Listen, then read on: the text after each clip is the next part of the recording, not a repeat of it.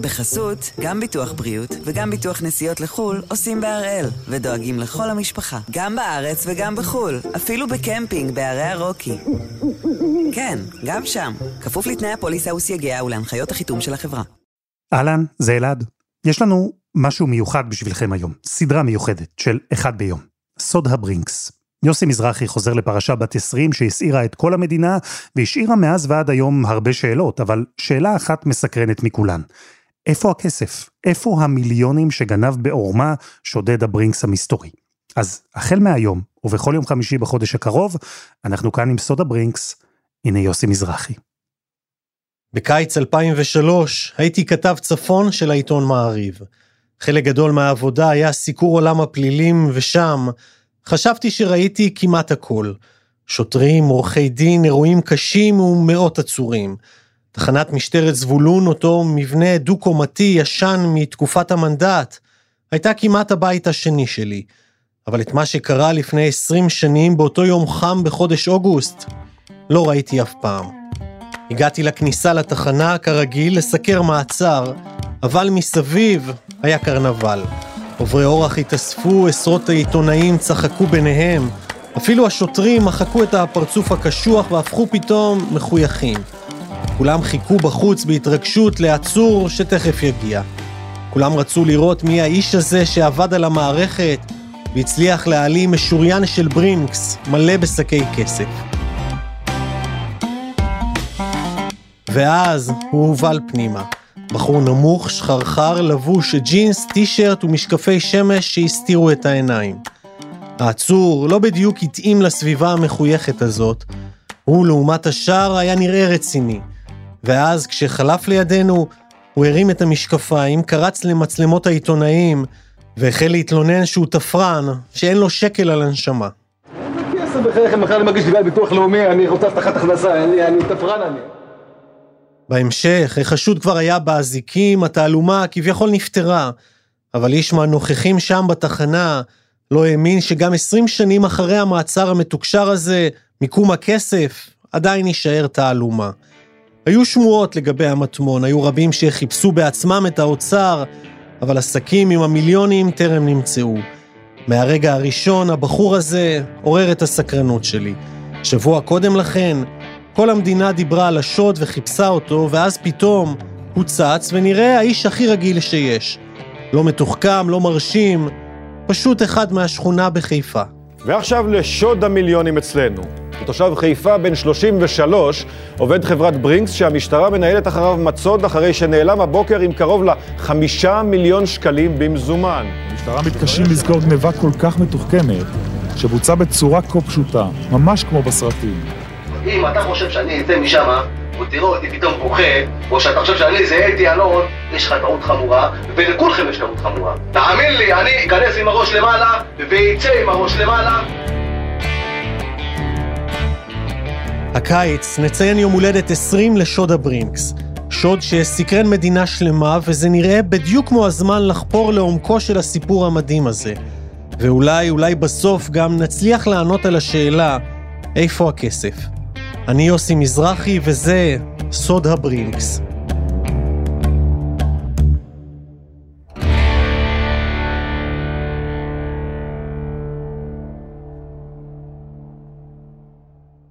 זה היה אמור להיות יום רגיל לחלוטין, באותו הבוקר של ה-19 באוגוסט 2003, כשאיציק ציטונה העמיס את השריונית, הוא ידע בדיוק איך היום הזה ייראה. זה היה מסלול שמתחיל את אזור הקריות. אנחנו בבוקר מעמיסים את השריונית עם כסף של לקוחות, מוכנים לאיסוף, הולכים, אוספים כסף מלקוחות, ואז באיזשהו שלב הולכים להפקיד בבנק. אולי לא נשמע מסעיר במיוחד, אבל איציק, בחור בן 29, לא חיפש הרפתקאות בשלב הזה של חייו. הוא רצה עבודה יציבה ומסודרת. לפני שהגעתי לברינקס הייתי מורה נהיגה. הייתי מורה נהיגה בנהריה, וזה היה לא מלא. חיפשתי עוד מקום עבודה, והכניסו אותי לברינקס בתור נהג, מאבטח, וככה התחלתי את הדרך שלי בברינקס. מה עושים בהתחלה? אה, נוהג, אתה נוהג על שריונית, מבצע משלוחים של אה, דברי ערך, כספים. אהבת את זה? כן, אהבתי את זה כי זה עבודת שטח, קודם כל אתה מכיר את כל הארץ כמעט, אתה נמצא בכל מקום. אתה מכיר אנשים. מעניין. בשריוניות הכחולות לבנות של הברינקס, בטח נתקלתם לא פעם בכבישים.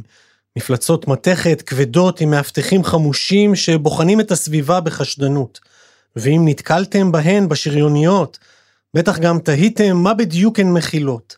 פתרונות לוגיסטיים מאובטחים, זו ההגדרה באתר חברת ברינקס, ובמילים פשוטות, הובלה של סכומי כסף גדולים במזומן או פריטים יקרי ערך בין בתי עסק, בנקים או כספות. השריוניות של הברינקס בנויות במטרה להגן על כל מה שנמצא בתוך הרכב מפני הבחוץ. הן עמידות לירי, שוקלות כמה טונות, ומכילות מערכות שהופכות את הפריצה פנימה לדבר כמעט בלתי אפשרי. על תקיפה פנימית, פחות חשבו בשלב המיגון. הרגשת את כובד האחריות, הכסף של הרבה מאוד גופים ואנשים אצלי ביד. אכן, אתה מרגיש אה, שאתה שומר פה על דבר מאוד מאוד יקר לאנשים שהם בעצם מפקידים את הדברי ערך שלהם אצלך, ואתה צריך להיות אחראי על זה. ואתה עושה הכל בשביל לשמור על זה. בחדר ההקלטות, איציק ציטונה תפס לי כמעט את כל המרחב. בחור חזק, רחב ועם שעון גדול על פרק היד, וקצת למעלה מתנוססים קעקועים גדולים על זרועות שריריות במיוחד, כאלו שאחזו בוודאי מאות מיליוני שקלים לאורך השנים. מרגישים לפעמים כמטרה שמסתכלים עליכם, מסמנים אתכם? תראה, העבודה שלנו, אה, יש בה סיכונים. כולם רואים את השריוניות ורואים כסף. אין ספק שרואים אותנו, לפעמים עושים מעקבים אחרינו, אנחנו יודעים uh, להתמודד עם זה. איזה הערות אתה שומע באופן קבוע? בוא נתחלק בכסף, תביא שק, אני אעזור לך לסחוב, כל ה... וכולי. יש בדיחות שיפתיעו אותך או שאתה מכיר כבר הכל? לא יפתיעו אותי עד היום. עם בדיחות על כסף, אולי קשה להפתיע את ציטונה, אבל לאורך הקריירה שלו, הוא היה עד לאירוע אחד שהפתיע ועוד איך. באותו הבוקר באוגוסט 2003, מי שהיה אמור להתלוות אליו לנסיעה, היה עובד חדש בברינקס. הוא הגיע כאחד העובדים. לא היה בו משהו חריג מכל העובדים שהתקבלו לברינקס באותה תקופה, אה, מלבד אה, שהוא היה נכנס לסניף עם כובע קסקט, משקפי שמש, יושב בצד, לא מתחבר יותר מדי, אבל לא משהו שאתה צריך לחשוב שזה לא בסדר.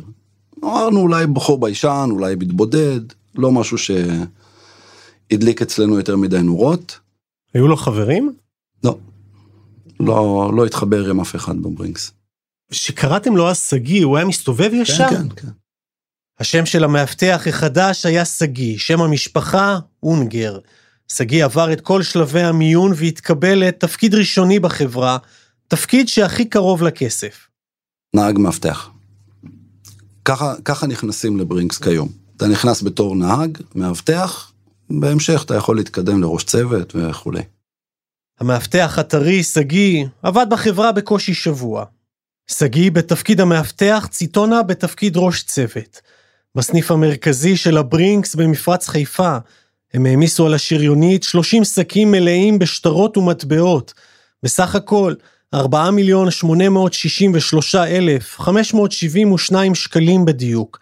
ואז יצאו לכיוון נקודת האיסוף הראשונה, מרחק קילומטר וחצי בלבד, המוסך של חברת אגד בחיפה, כדי לאסוף שק נוסף.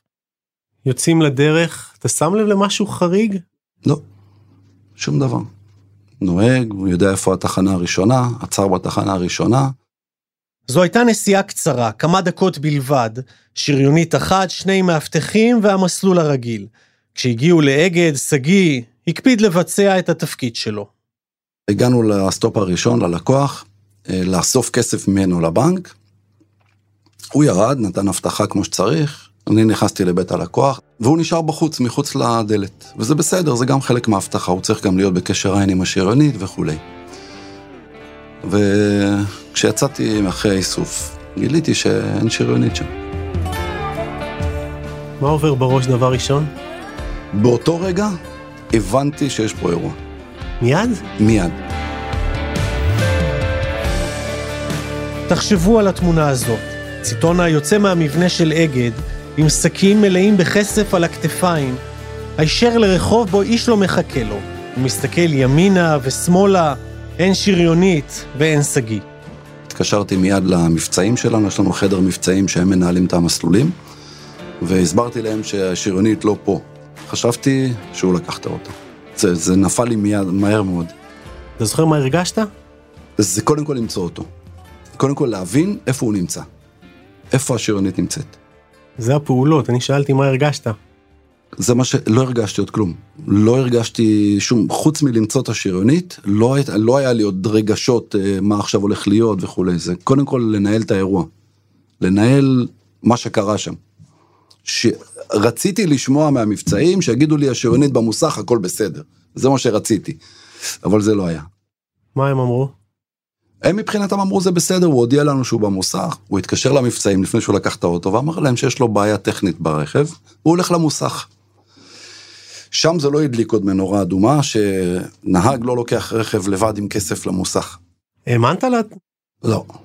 לא יכול להיות שהוא במוסך, התחלנו צעקות ככה בקשר, תרימו מסוקים, תרימו משטרה, הם קצת חשבו שאני לא בסדר, אבל אז כשהבינו את גודל האירוע, אז uh, הרימו באמת מסוקים ומשטרה מיד.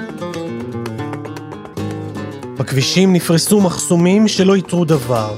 ורק אחרי חצי שעה הצליח מסוק משטרתי לאתר את השריונית הנטושה בדרך צדדית בקריית חיים. שלושה קילומטרים בסך הכל ממקום איסוף הכספים במוסך אגד. המסוק הכווין את השוטרים למיקום, וכשאלו הגיעו התברר שהשריונית נעולה, ובמשטרה חששו שהיא גם ממולכדת. עד שהחבלנים סיימו את הבדיקה חלפו עוד שעתיים. ציטונה בינתיים התפלל שבתוך השריונית יימצאו גם שקי הכסף. היה לי איזה סוג של הנחת רווחה כזה שמצאנו את האוטו בתקווה שלא חסר שם כלום, שיכול להיות שסתם בא לו לברוח מהעבודה או משהו. ואז עד שחבלנים הסירו את החשש, פתחנו אותה והבנו שנלקח שם כסף. כשהדלת מאחור נפתחה, התברר גודל הנזק. ברכב נותרו שקים בודדים, בעיקר כאלו כבדים ממטבעות, ולצידם נשק מסוג אוזון של המאבטח הנעדר, שגיא אונגר. הכל היה ריק? לא, לא הכל. הוא לקח סכום של 4.7 מיליון. לא כל הסכום. לא את כל השריונית. אז מה נשאר בשריונית? רק כמה שקים עם 100 אלף שקלים בסך הכל, אבל כל השאר, יותר מ-4 מיליון שקלים, נעלמו. בשלב הזה הבוסים של ציטונה כבר הגיעו לשטח, בניסיון להבין מה לעזאזל קרה פה. ציטונה מצידו מנסה לסייע, אבל מבחין, במבטים חשדניים גם כלפיו. באותו רגע גם היו סוג של חששות. שלי. של, אוקיי, אני הייתי באירוע עכשיו, איך יסתכלו עליי החברה? אני סך הכל עובד ורוצה שיבינו שלא היה שום קשר אליי. המנכ"ל הגיע והסמנכ"ל וכולם הגיעו למקום מתל אביב. וזהו, הולכים למשטרה, חקירות, אותי חקרו, כמובן. הפכת לרגע לחשוד בעיניהם, בהתחלה לפחות? באופן טבעי. באופן טבעי זה צוות, אה, כן, עשו לי חקירות, שאלו שאלות, וזה טראומה. זה טראומה כי אתה בעצם נמצא באירוע שלא לא נעים שלוקחים לך שריונית, ועכשיו גם יש אולי חשדות. התשובות של ציטונה הצליחו לשכנע את החוקרים וגם את מנהלי הברינקס שהוא לא קשור לגניבה. במשטרה נותרו עם החשוד המרכזי, מי שנהג ברכב ונעלם כלא היה, שגיא אונגר. מישהו, אם אני לא טועה, מאילת, התקשר לאימא שלי להגיד לה מזל טוב על המכה המטורפת שהבן שלה עשה. את עורך הדין שגיא אונגר פגשתי במשרד שלו. הוא מושבניק מאזור השרון ונראה בדיוק כמו שאתם חושבים. בעיר ג'ינג'י ממושקף ובעברית פשוטה, קצת חנון.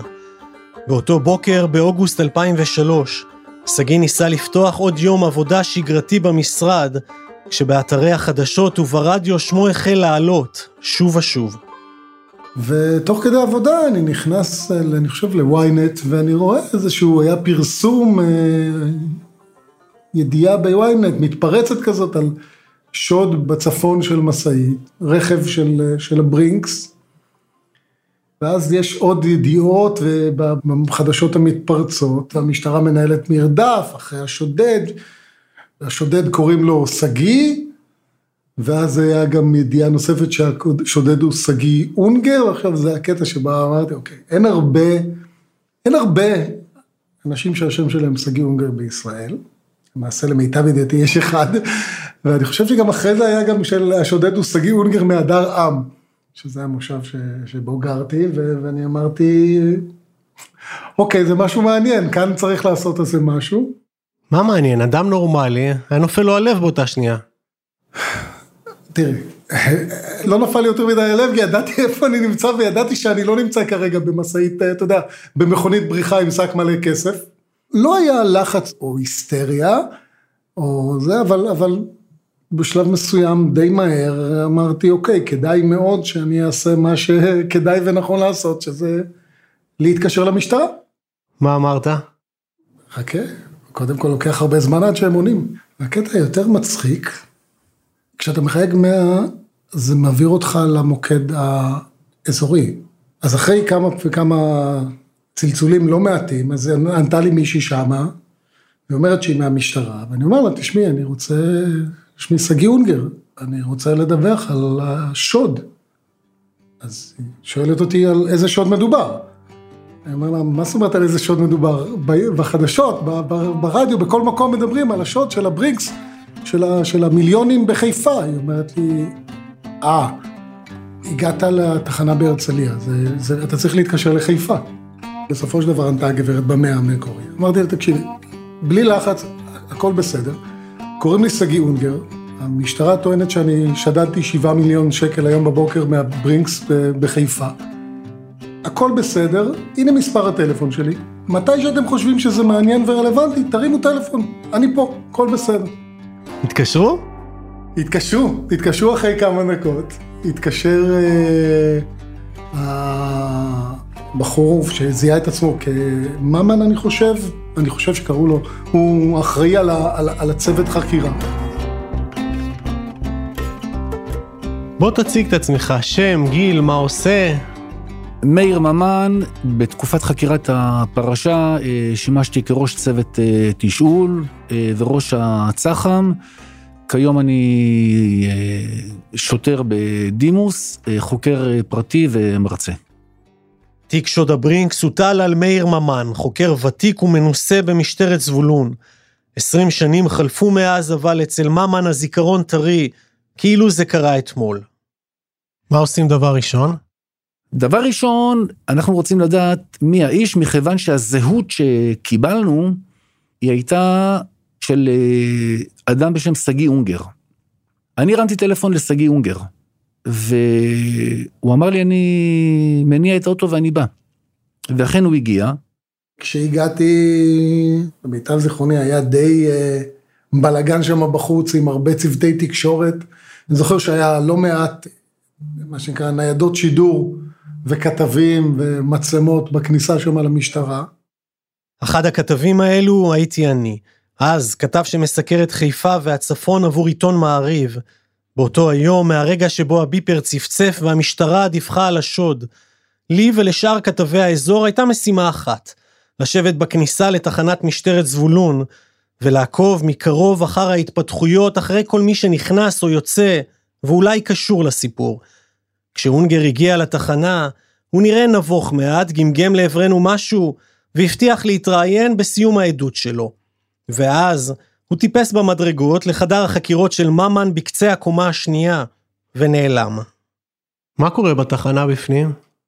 שאל אותי אם זה, אם זה אני הגשתי את הבקשה להתקבל לברינקס, ואני אמרתי לו שכמובן אה, לא, שאני לא הגשתי את הבקשה הזאת, גם אמרתי לו שנראה לי שזה מי שקיבל את הבחור לברינקס על בסיס אה, מסמך כזה, זה, זה נראה קצת אה, מגוחך.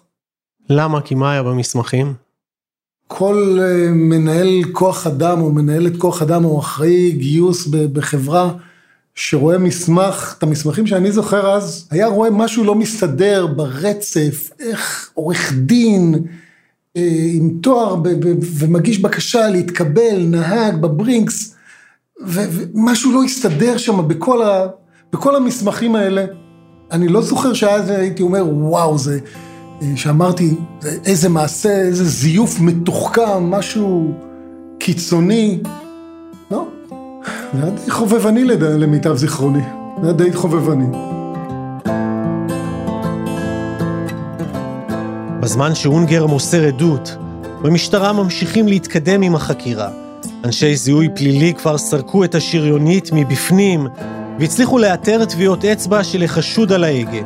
ממן ידע שאם מדובר באחד שכבר הסתבך בעבר בפלילים והפרטים שלו במאגרי המשטרה, יהיה קל מאוד לעלות על זהותו. אנחנו ביצענו בדיקות אה, פורנזיות. ראינו שהטביעות אצבע אה, מלמדות על אה, זהות של אדם אחר, של אילן סגל קופרמן. כן, אילן קופרמן סגל. זה השם האמיתי של האדם שהתקבל לברינקס שבוע קודם לכן, ונעלם עם שקי הכסף. ואחרי שלחוקרים היה את השם, הגיעה גם התמונה. ומיד אה, בדקנו בתמונות הזיהוי אם יש לנו תמונה שלו, הייתה תמונה שלו, אבל תמונה לא עדכנית לזהותו ליום האירוע. בתמונה הוא היה קירח, וביום האירוע הוא לא היה קירח. קירח או לא, התמונה של קופרמן שעלתה על מסך המחשב של ממן, הייתה של אדם שהוא ההפך הגמור משגיא אונגר, אותו עורך דין ג'ינג'י מהשרון. יותר נמוך, יותר שחרחר, ועם עבר פלילי בתחום ההונאות. מצויד בשם ותמונה, ממן היה נחוש לאתר את אילן, וכמה שיותר מהר. השתמשנו בתמונה הזו, וקודם כל חסמנו את uh, מעברי הגבול, מה שנקרא רשבוג, רישום גבולות. שלא יברח. שלא יברח. במשטרה היו בטוחים שהתכנון המדוקדק של קופרמן סגל כולל גם את אקורד הסיום, היעלמות מהירה מהארץ עם שקי הכסף. מלכודות העיכוב שפיזר לאורך הדרך, הסיפור עם המוסך, השריונית הנעולה והזהות הבדויה, סידרו לשודד הברינקס לפחות שש שעות מנוסה, וזה לא מעט. ההערכה הייתה שקופרמן עלה על סירה במעגן הקישון, שסמוך מאוד לאזור בו נטש את השריונית, הרים עוגן והפליג. אבל ממן התחיל קודם מהיבשה. הוא שלף מהמחשב את הכתובת של אילן, שהתגורר ביחד עם אמו שולה קופרמן, בשכונת נווה יוסף שבחיפה. הלכנו לבית, לאימא שלו, ערכנו חיפוש בבית, אני זוכר שבבית היו המון המון כלבים בתוך הבית. כשחוקרי המשטרה נכנסו פנימה, הם מצאו דירה קטנה, מוזנחת, עם המון כלבים וחתולים, ומעט מאוד ריהוט. הם ביצעו בדירה חיפוש מדוקדק ורוקנו אותה מתכולתה, הכל בניסיון לאתר כל רמז למיקומו של אילן ושל הכסף. באותן שעות שולה אמו של אילן עברה בין כל מי שהיה מוכן להקשיב, וסיפרה בבכי שאין לה כל קשר לאירוע. אין לי שום תיקים במשטרה, אני מובטלת וחיה מקצבה של ביטוח לאומי, הסבירה. על אילן שולה אמרה, אני אוהבת אותו, אבל לפעמים יש איתו בלאגן. בחיים לא האמנתי שהבן שלי יעשה כזו מכה של כל כך הרבה כסף. אפילו סיגריות הוא אף פעם לא קנה לי. במשטרה מבינים שהאם שולה לא ממש קשורה לשוד, וממשיכים לחפש איש אחד שיוכל לספק תשובות. אבל עוד לפני המשטרה, הראשון שידע על מיקומו של אילן היה עורך דין מחיפה, רונן חליבה. האמת היא שהזיכרון הראשוני שיש לי זה שאני נמצא בכלל בחופשה באילת, ואז מגיע אליי מידע שקשור לעניין, ואני יוצר קשר עם המשטרה, ומודיע להם שאני, אה, אם אני לא טועה, זה היה שיחה ביום חמישי או ביום רביעי, שאני ביום ראשון אסגיר אותו. בפרק הבא של סודה ברינקס. הברינקס נמצא, אבל הכסף איננו. חמישה ימים אחרי שנמלט עם משאית הכסף ועם הכבוד של המחוז הצפוני במשטרה, אילן קופרמן סגל הסגיר את עצמו הבוקר. להשתזף בחוף הים. מותר להסתכל שמה שם ברדיו, שגיא אונגר חשוד ב... מי גנב הכסף קיבינימט? אני לא גיבור, לא לקחתי אגורה שחוקה ושיבוא הבן אדם שיגיד שאני שדדתי אותו. אין לי כסף לפלאפל, על מה אתה מדבר בחייך?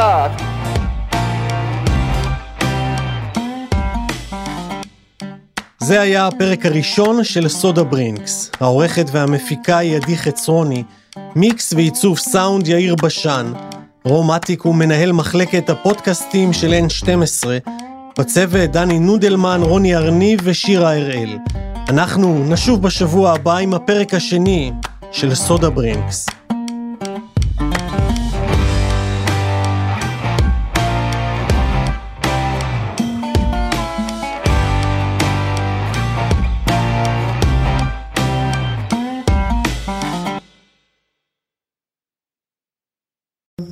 בחסות, גם ביטוח בריאות וגם ביטוח נסיעות לחו"ל עושים בהראל, ודואגים לכל המשפחה, גם בארץ וגם בחו"ל, אפילו בקמפינג בערי הרוקי.